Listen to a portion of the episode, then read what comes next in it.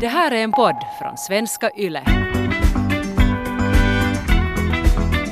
Och jag var som så här att, men du såg ju som, eh, liksom, varför ska du envisas med att koka dit liksom då huvud kommer ut att, att det måste ju vara helt sjukt att se som ett huvud liksom där, liksom i Men det där hålet ja. var, var du brukar vara. Välkomna till det andra och sista avsnittet på vårt lilla sextema här på Föräldrasnack. Och det är jag, Rebecka och du Karro. Jag, Karro, Ja. som vanligt. om ni inte har lyssnat på del ett så missar ni någonting. Där talar vi om det här madonna-hora-komplexet, att eh, som mamma inte känner sig som en sexuell varelse.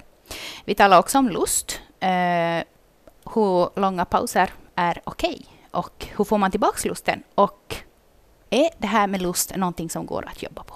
Mm. Så ehm, klicka er in på avsnitt ett om ni har missat det. Och vi fick ju in så jättemycket meddelanden av er. Eh, så därför, därför lagar vi ju nu ett till avsnitt helt enkelt. Ja. Eh, och idag så ska vi ta upp eh, det här med att ha sex för husfridens skull. Vad, Mm. vad känner du när du hör, hör det Karro? Husfridssex. Husfridssex, är det någonting som... Ja. Eh, ja, så här spontant så tycker jag så här bara, var och en med sin kropp. Vill inte man ha sex så ska inte man ha sex. Men det finns ju också flera sidor av detta. Mm. Och jag tycker alltså bara det här, det här meningen hus för, alltså sexfri, alltså för hus för sexfrid, sex för husfridens skull. Jag tycker att det är som en eh, alltså negativ på något sätt klang på det. Eh, jag, alltså jag, jag får inte en bra filis av att höra det. Det, det, det liksom den meningen. Men samtidigt så beror det ju på med vilka grunder man tänker att man har det för då husfridens skull inom citationstecken. Eh, själv så kan jag tänka att, att, eh, att för att komma igång efter en förlossning och typ kanske komma över rädslor och över att bara som få komma igång helt enkelt med sexlivet så kan det vara helt okej om man vill det. Alltså om man känner att man Mm. ändå vill det men att det är någonting som är lite så här att ah, jag skulle inte orka eller ah, jag skulle som inte så liksom för mig, för mig, mig själv var det kanske bara som att få det överstökat för att komma över rädslor, att det typ ska göra ont eller kommer det att kännas konstigt och sådär.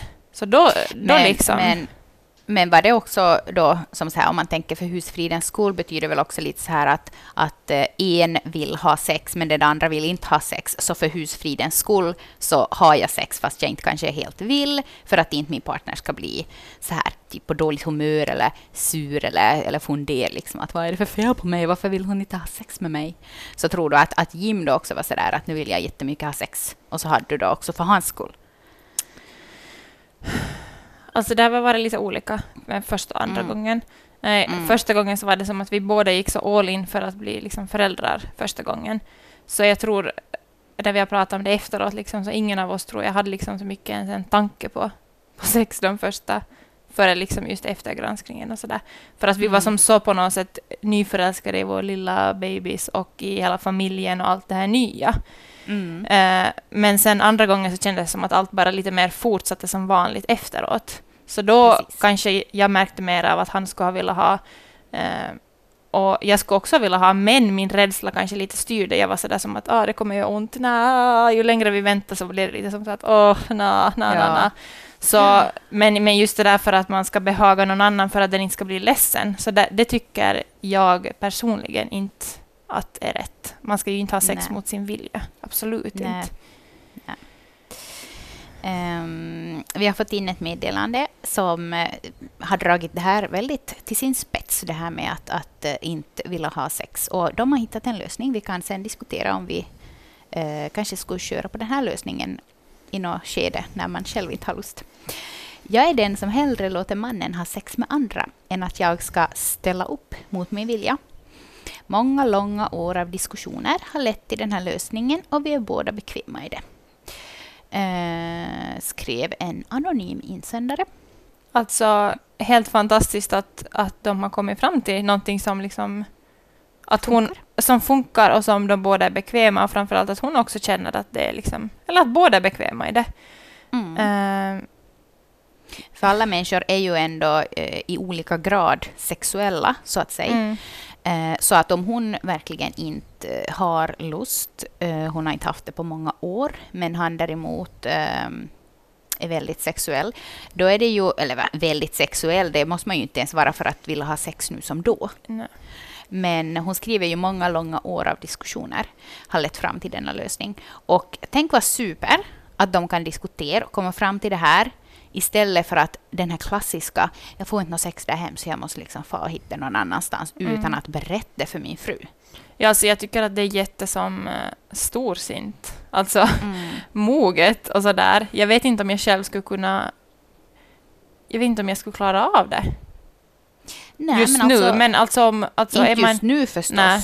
Men, men, Nej. om, men om man är i den situationen och eh, liksom man värderar ju sitt förhållande i så mycket annat än sex. Och älskar man sin partner och eh, man har en jättefin familj, allt fungerar och det bara handlar om den här lustgrejen, så är det ju som Mm. sagt alltså, jättebra om man har kommit till det gemensamt. Mm.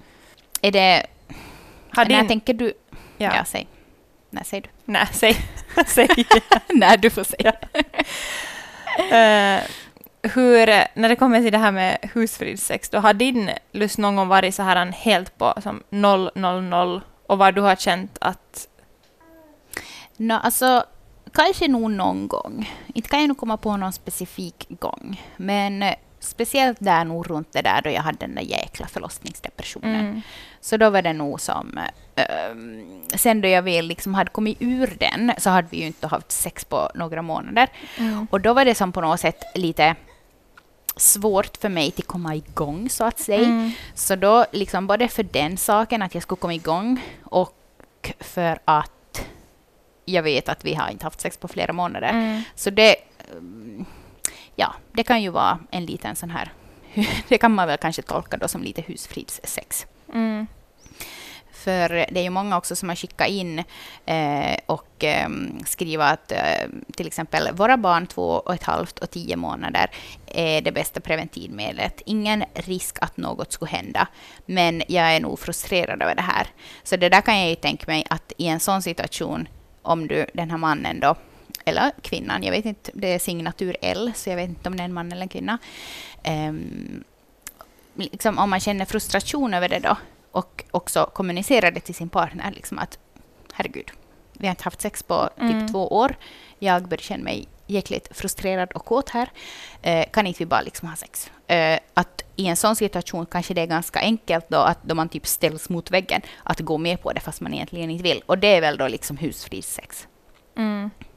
Det är så svårt, alltså, för det beror så på just i vilken situation det är. Men jag tycker nog sådär, en, för min egen del så känns, känns det ändå som att det viktigaste är ju att man ändå inte... Alltså det, jag tycker att det är skillnad om man gör någonting som man inte själv vill eller om man gör någonting som man ändå på någonstans vill, men man typ Ja. inte kanske skulle orka eller man har inte riktigt lust. Men att man ändå som i, i, på något sätt i hjärta vet och känner att man ändå vill det. Kan du Ja. förstå vad jag menar? Ja, ja. Det, jag Och sen, sen så, så på något sätt tycker jag också att, att, eh, att det har, om man lite har kommit off från att vara intima med varandra, så sen Mm. bara man som kommer just över den här, att man kommer igång, så det kan Mm. ju i sig också göra att man får mera lust. För att, Ja, precis. Att det liksom kanske lättar på någon liten spärr. exakt. Så det är ju, Mm. alltså det är svårt. Mm, det är nog det. Men eh, om det är så att jag någon gång känner så här att jag verkligen inte har lust, så då, då skulle jag inte liksom gå med på det, typ. Bara för att inte han ska bli sur. För jag tycker sådana... Alltså, jag tycker sådana män som blir sur för att ens partner inte vill ha sex. Alltså, åh, herregud. Kok det någonstans. Det känner jag kring sådana. Mm. Att bli sur, det tycker jag är som helt, helt fel väg att gå. Hur skulle hon vilja ha mer sex för att han blir sur? Vet du? Det Nej. hjälper ju inte att någon blir sur. Nej, absolut inte. Och sen just den här istället att bara det, att när den, om, om man känner så, om man kommunicerar det till sin partner och man får som ett accept, som ett, att ens partner accepterar det och, ty, Mm. och som förstår en, så då gör det ju också att man på något sätt så här, eller jag känner i alla fall, då kommer jag ju närmare honom på något sätt. Och då Mm. känns det ju som att jag typ, det, att ribban nästa gång är lägre att ha sex, för att han har förstått mig när jag inte har känt Liksom. Att, vi, att kommunikationen gör också att man kanske... Ja, alltså nu, nu kommer jag av Nej, min men tråd. man, nej, men att man, nej, men att man, kommunikationen gör att man också kommer varandra närmare, att man förstår varandra bättre och Exakt. därmed kan det också väcka mer lust. Exakt. Ja, här är det en som har skrivit så här. Det var inte bara sexlivet som försvann efter att vi fick barn, utan hela förhållandet. Jag blev så besviken på hela min förlossning och hur min sambo betedde sig under förlossningen och efteråt. Han gav inget stöd alls, han bara satt med sin telefon och klagade på hur trött han var. Och när jag och bebisen kom hem från BB sa han, nu är det när du bara är hemma och mammaledig så får du sköta alla hushållssysslor. På det här fick jag även en svår förlossningsdepression. Så nu finns det inte mycket kvar av förhållandet och sexlivet, ja det är på noll. Nu försöker vi dock lappa ihop förhållandet, men det är nog väldigt svårt. Signatur Fröken Ur. Mm. Eh, ja, nej, men det var ju väldigt sexigt beteende av den här mannen. Han, eh, han, eh, hon har säkert väldigt stor lust liksom, till att ha sex med en sån där jävel. det, Sorry, det, var så, det var så bra för att när vi var på den här profylaxkursen så, sa, så, vad det, så talade, man, talade vi mycket just om, om partnerns stöd liksom under förlossningen och att man liksom närvaron och att man finns där och så där. Så var det så bra också när de sa, de här ledarna, att, att liksom att att gö- gör till papporna då, att gör ni liksom en, fin insats, en trygg insats till era partners, jag kommer inte ihåg exakt hur de sa, men under förlossningen och efteråt, så kommer det också som att stärka förhållandet jättemycket. Liksom att, Mm. att om ni bara går all in för att vara där med er partner, så kommer det att ge så mycket till förhållande långt efter. Och det där tror jag faktiskt på. Ja, verkligen. Mm. Och precis det som du säger nu så har vi fått in ett, ett meddelande av signaturen Bullybumpa6. Mm. Första, första perioden efter att vårt barn föddes så var det så härligt att kunna ha sex igen utan att känna sig som en stor flodhäst som blev andfådd av minsta lilla. Jag kände mig mer bekväm i min kropp eftersom att vi hade upplevt en förlossning tillsammans och kommit varandra närmare än någonsin. Trots läckande bröst under akten. Och det där är ju just det här med att eh, under förlossningen så kände hon att de kom varandra så mycket närmare. Mm. Och eh, precis som du sa att de, att de berättade åt dig, eh, er på den här förberedande kursen. Så det där, alltså jag har aldrig tänkt på det på det där sättet. Men nu fick jag helt rysningar i hela kroppen Mm. för att jag känner igen mig så mycket i det där att eh, vi var så jättebra team och vi har varit det under alla våra förlossningar och efter varenda förlossning så har det känts det som att vi har som blivit typ tusen gånger starkare i vår relation. Mm. Och det har ju också gjort att man, eller att jag känner mig mer så här, nej men vad- alltså, att jag känner mer så här dragning till honom, Mm. eh, både, både eh, relationsmässigt men också liksom, sexuellt så här att, att, att jag Mm. vill vara med dig och att det är som någonting speciellt när vi är med varann. Ja, och på något Ehm. sätt också just det här att om man, om man är där närvarande och på något sätt också ser sin då kvinna föda och att man liksom på något sätt eh, visar också att man är, eller att, man, att jag, om jag känner typ att, att Jim har sitt och varit där närvarande med mig och varit med i allt det här, också att han på något sätt ser, eh, vad ska man säga, känner stolthet över att jag har kunnat Mm. liksom föda hans Mm. barn. Så Ja. då gör det på något sätt också att, att, jag vet inte, men det knyter på något sätt samman på ett Ja. jättefint sätt. Så Mm. jag, ja. Precis, och jag hoppas att, att alla ni som lyssnar känner, inte alla, men att någon av er i alla fall känner igen sig i det här som vi beskriver. För alltså det som jag tycker att jag hör mest kring förlossning och eh, parrelation är ju det här eh, typ att eh, alla undrar, och såna, speciellt sådana som inte har barn, som så här, att hur, hur, hur ska han kunna ha sex med mig efter en förlossning då han har sett allting, att man Mm. liksom eh, det sprutar kroppsvätskor hit och dit och man ropar som grisar och liksom att hur ska han någon gång kunna liksom typ ha sex med mig igen?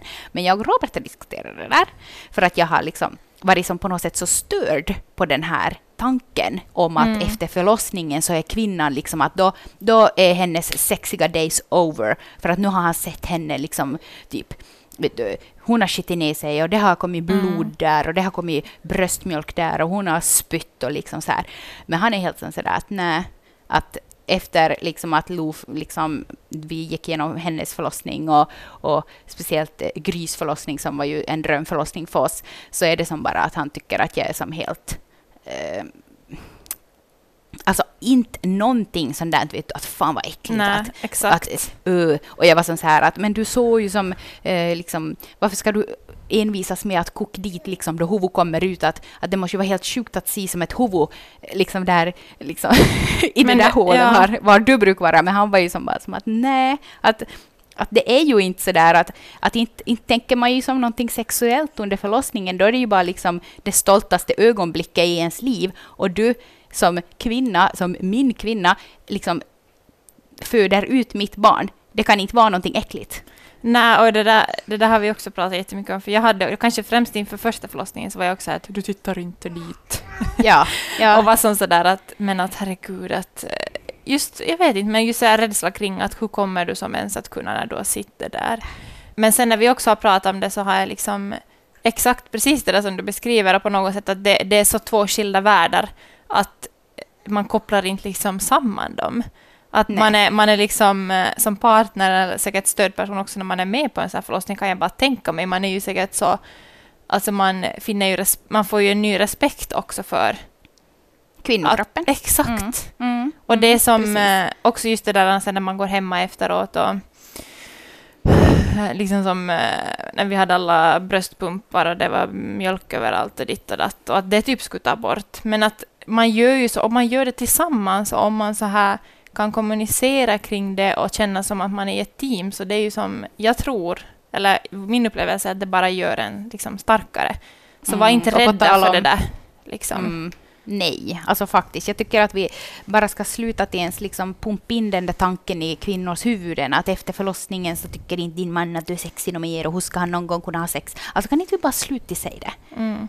Det gör ju bara sådana här förstagångsföderskor mer. Liksom, det är ännu en jäkla sak att ha stress över. Alltså nej. På tal om det där med bröstpump. Idag eh, i morse så stod jag i köket och eh, jag hade bara så här mina pyjamas-shorts på mig och en sån här helt mjölkfläckig topp och, och stod och hade en sån här bröstpump på, på mitt högra bröst. För att baby, bebisen hade sådd på vänstra sidan och jag hade bara amma ur vänstra bröstet under natten. Så det här mitt högra bröst behövde tömmas. Eh, Så stod jag där då och pumpade och så kommer Robert då. Och jag bara som att ja, det här är nog fi, fina saker det här. Jag känner mig så jäkla sexy. Och han bara så, såg på mig med sin så här riktigt mjukaste leende och bara som att nej, du vet inte hur fin du är. Liksom att du är så jäkla fin och sexy nu. Och bara började typ krama mig där och jag bara som att okej, pump, pump. pump. Så för att, alltså det behöver inte vara någonting Nej. liksom Alltså nej, vi slår, liksom, vi slår hål på de där myterna nu. Jag tycker det Ja. faktiskt. Nu finns det säkert någon man som tänker det här, men alltså jag, nej, jag Ja, tror men vi, sätter in, vi vill inte sätta Nej. energi på dem. Nej, och det, vi behöver inte. nej. Nej. Men hörni, nu tycker jag ändå att vi har en väldigt bra feeling här i det här avsnittet. Så nu Mm. vill vi prata om de här som att sexlivet har blivit bättre Mm. efter, efter förlossningen. För det var ju det som jag hade nog faktiskt alltså, inte hört något Nej, alltså sånt. det hade inte jag hört någonting om. Alltså vad hör man bara? Liksom att nej, att det är bara att gubben tycker man är äcklig för man har fött barn och det har sprutat hit och dit och sen har man inte tid att ha sex något mer och det tar sjukt och man har hemorrojder som kokar ut och man tar, kör doggy. Så här säger en. Efter vårt första barn vill jag påstå att sex är bättre, men mer sällan. Det är tråkigt förstås, men om den ena vill men eh, om den ena vill, men den andra inte har lika hög lust, så måste man väl bara infinna sig med det. Signaturen Kalle. Mm. Så Kalle menar alltså att sexet är bättre, men mer sällan. Eh, och eh, det... Eh, ja, alltså jag kan ju faktiskt också ställa mig i den... Eh, vad ska man säga? På den sidan. Mm. Vi har inte sex alls lika ofta. Eh, men då vill jag ju också säga att när vi väl blev gravida så var vi ju nyförälskade och eh, hade sex typ dag och natt. Så att jag tror inte att vi någon gång kommer att komma upp i det igen. Nej, och sen... eh, men som han också skrev där så inte, inte har vi heller alltså, lika ofta som före vi fick barn. Men, eh, men jag tycker att eller som det har fått en helt ny mening. Liksom att Ja, jag, jag, jag skulle inte ens vilja ha lika ofta. Nej. Alltså Nej. hellre liksom kvalitet före kvantitet känner jag. Ja, precis. Att, och det behöver inte vara en dålig grej. Liksom. Så här skriver småbarnsmamman. Sexet är enligt mig ofta bättre än innan barnen kom. Vi kommunicerar bättre nu och anstränger oss mera för den andra. Det kan ju också förstås ha att göra med att vi inte har, hinner ha sex lika ofta. Och ja, precis som du sa, det där med kvalitet framför kvantitet. Att Mm. de där kvantiteterna liksom bara faller bort automatiskt för att man hinner inte ha sex så ofta. Så då när man vill få till det så kan jag tänka mig att många upplever att det är som mycket bättre. Mm. Och nog kan ju också liksom de här eh, stunderna i typ vässan eller bilen eller vad man nu tar till för ställen för sådana här snabbisar. Nog kan ju också de eh, vara bra fast de är just snabbisar. Vi har inte stressat. Redan under graviditeten lämnades sex bort på grund av blödningar. När vi väl började orka fundera på sex igen blev det tusen gånger bättre då vi båda började kommunicera mera om önskemål och vad vi gillar. Sex är inte allt och vi har alltid varit kärleksfulla mot varandra, pussats och kramats dagligen. Men speciellt när orken inte finns till mer. Kommunikationen är enligt oss allt. Håller med. Ja, och eh, det är, alltså jag tror verkligen att när, när barnen kommer och det blir mindre av eh, sex och fast man kanske skulle vilja ha sex så hinner inte man ha sex så ofta. Eh, så då är det nog kanske viktigt att just prata däremellan eh, så att inte man sen när man vill ha sex så är det bara något sånt här konstigt som att man eh, gör saker som den andra kanske inte vill och just det där med att, att eh, han rör på brösten fast hon inte vill att han ska göra det. Att, att man som istället då pratar om det i en osexuell situation. Mm. Eh, så att när man sen då vill få till det, att då blir det som bra och då kanske också då man har ju mer lust då att ha sex nästa gång om den där gången innan har varit bra. Mm, och att försöka få redan in det från graviditeten kanske, om det redan där ändrar hur man känner kring sex. Att, Mm. att redan där våga börja prata om det och säga hur det känns och sådär. Mm. Och prata redan före också förlossningen om att liksom att bara börja Nej, kommunicera hon- och ja, men prata precis. om det. Mm. Och kanske vad man har förvä- förvä- liksom hurdana förväntningar man har och hur tankarna går. Mm. Och eh, just att, att hur gör vi om det blir så här? Hur gör vi om, alltså olika scenarier. Mm. Ehm, men det är ju många nu då som också skickar in då att, att, att sexet har blivit bättre också liksom på ett anatomiskt, fysiologiskt plan. Inte bara så här typ olika så här bra kinkiga ställningar som har tillkommit. Mm. Ehm, och vi ska läsa upp en kommentar av en eh, mamma till en 11 månaders bebis och sen så ska den här, eh, vi har kontaktat Malin som är barnmorska och sexualrådgivare och hon ska få förklara det här med hur sexet kan bli bättre efter att man har fött barn. Men Mm. först den här kommentaren. Inte blev det så annorlunda här i huset, än så länge i alla fall. Vi har sex en till två gånger i månaden, precis som vi hade före jag blev gravid. Det är bara det att det är lite mer planerat nu för tiden. Lite mer, nu sover hon ut på terrassen där ingen ser om vi behöver springa ut nakna och stoppa in tutten. Nu kör vi då sängen är ledig. Den här tiden har ju också sin charm. Sen något som jag tycker är intressant är att jag aldrig har fått orgasm av penetrerande sex före förlossningen. Nu är jag tydligen mer känslig och får orgasm även vid penetration. Det är sjukt trevligt om ni frågar mig. Så för mig har alltså själva sexet blivit mycket bättre efter barn än före barn. Och nu menar jag ju inte att det var dåligt före. Är det här normalt? Och så här säger Malin. Ja, men det är faktiskt anatomiskt och fysiologiskt möjligt att få ett bättre sexliv efter genomgången graviditet och förlossning. Det är så här att om man får en bristning i vaginan efter en förlossning så under sutureringstillfället så kan det faktiskt komma upp nya nerver som skapar nya erogena zoner, alltså känsliga områden i vaginan. Och även fast man inte har fått en bristning under förlossningen så kan man faktiskt få nya erogena zoner i vaginan, för vaginan förändrar ju sig väldigt mycket under en förlossning. Men även efter ett kejsarsnitt så kan man uppleva sig få ett bättre sexliv eh, efter förlossningen och då kan det handla främst om inställningen till sin egen kropp. Den här wow-känslan. Shit vad min kropp är fantastisk som har bärt ett barn och förlöst ett barn. Shit vad mycket min kropp är kapabel till. Eh, och jag tänker att man kanske blir mer snäll med sin kropp. Man, man ser på sin kropp på ett annat sätt. Man är öm mot sig själv. Um, och man vågar ta för sig. Man tillåter sig själv njuta av sexet på ett helt annat sätt än förut. För att man känner att man är värd det. Mm. Jag önskar att alla kvinnor skulle tänka så där som Malin säger att vi ska ja. tänka. Jag fick typ så här lite smått rysningar. jag, känner, jag känner som att det, det är härligt med något positivt i det här också på något sätt. Och att Uh, både den där delen att det faktiskt så här fysiologiskt kan bli bättre känns ju som att det där har jag inte ens typ vetat före jag fick barn. Och sen mm. uh, också det här med att, att man på något sätt får en annan känsla av kroppen och hela som synen på sig själv. Och mm. att man kan tillåta sig själv på, no, på ett nytt sätt på något sätt att, att njuta och sådär. Så det tror jag, mm. alltså, jag tror absolut på det. Uh, och, och just det här med att till exempel alltså före man får barn, eller före jag fick barn, så hade jag, jag hade nog som inte förstått liksom det här med nedre magmuskler och knipmuskler och knipövningar och sånt där. Och det är ju mm. också något som man kommer i kontakt med efter att man fick barn. Så om man liksom tränar upp det efteråt så kan det ju också göra jättestor skillnad. Mm. Så jag tror att, jag tycker själv bara att man har fått mera som koll på något sätt på kroppen. Mm. Man är mera du med sig ja. själv. Ja, men exakt. Man har blivit, blivit liksom mer um, närmare sig själv också. Exakt. Um, men faktiskt, jag tycker att vi alla uh, ska ta till oss det här som Malin sa. Att mm. uh, man ska alltså att man är värd också och att man ska vara stolt över kroppen.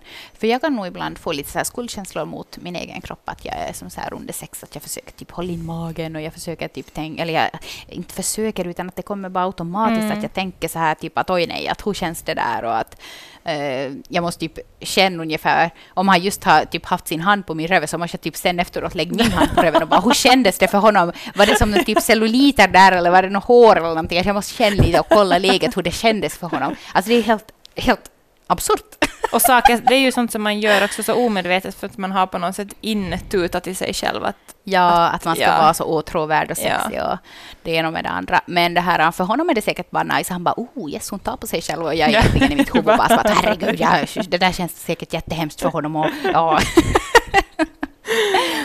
Men någonting som vi får konstatera här nu då är ju nog verkligen att kommunikationen är A och O. Mm. Och att vi kvinnor borde vara liksom bättre på att bara vara stolta över våra egna kroppar och inte hålla på och försöka känna hur...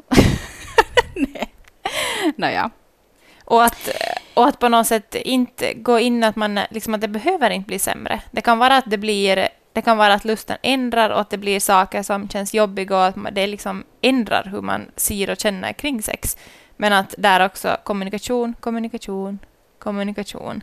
Och sen mm. att det mm. kan bli bättre och att man ska tillåta sig själv att känna att man är värd att ha sex om man vill ha sex. Mm. Och just det här med kommunikation har um, pappan Jonas skickat in uh, en väldigt, väldigt tänkvärd insändare.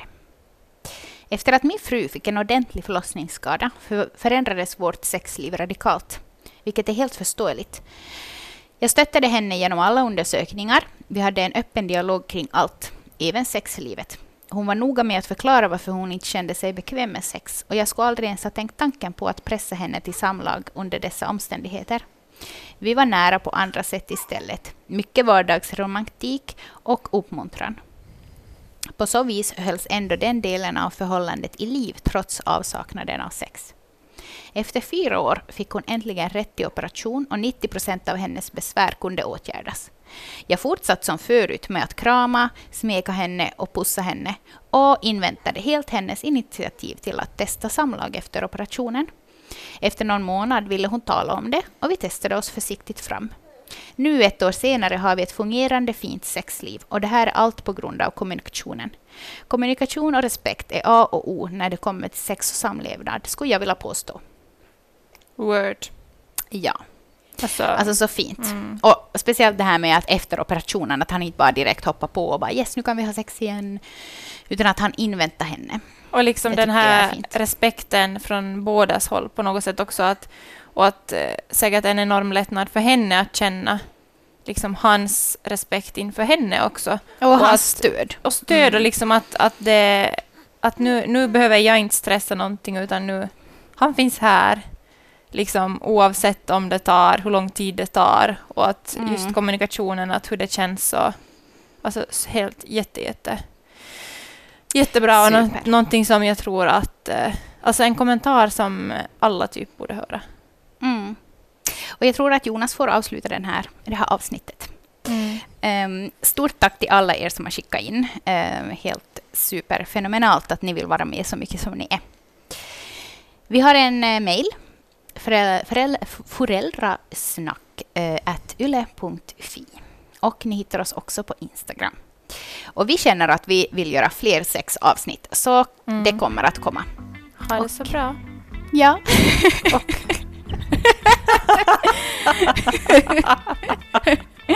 Hörni, sköt om er, ha sex, prata om sex. Vi Exakt. hörs igen nästa vecka. Hej då!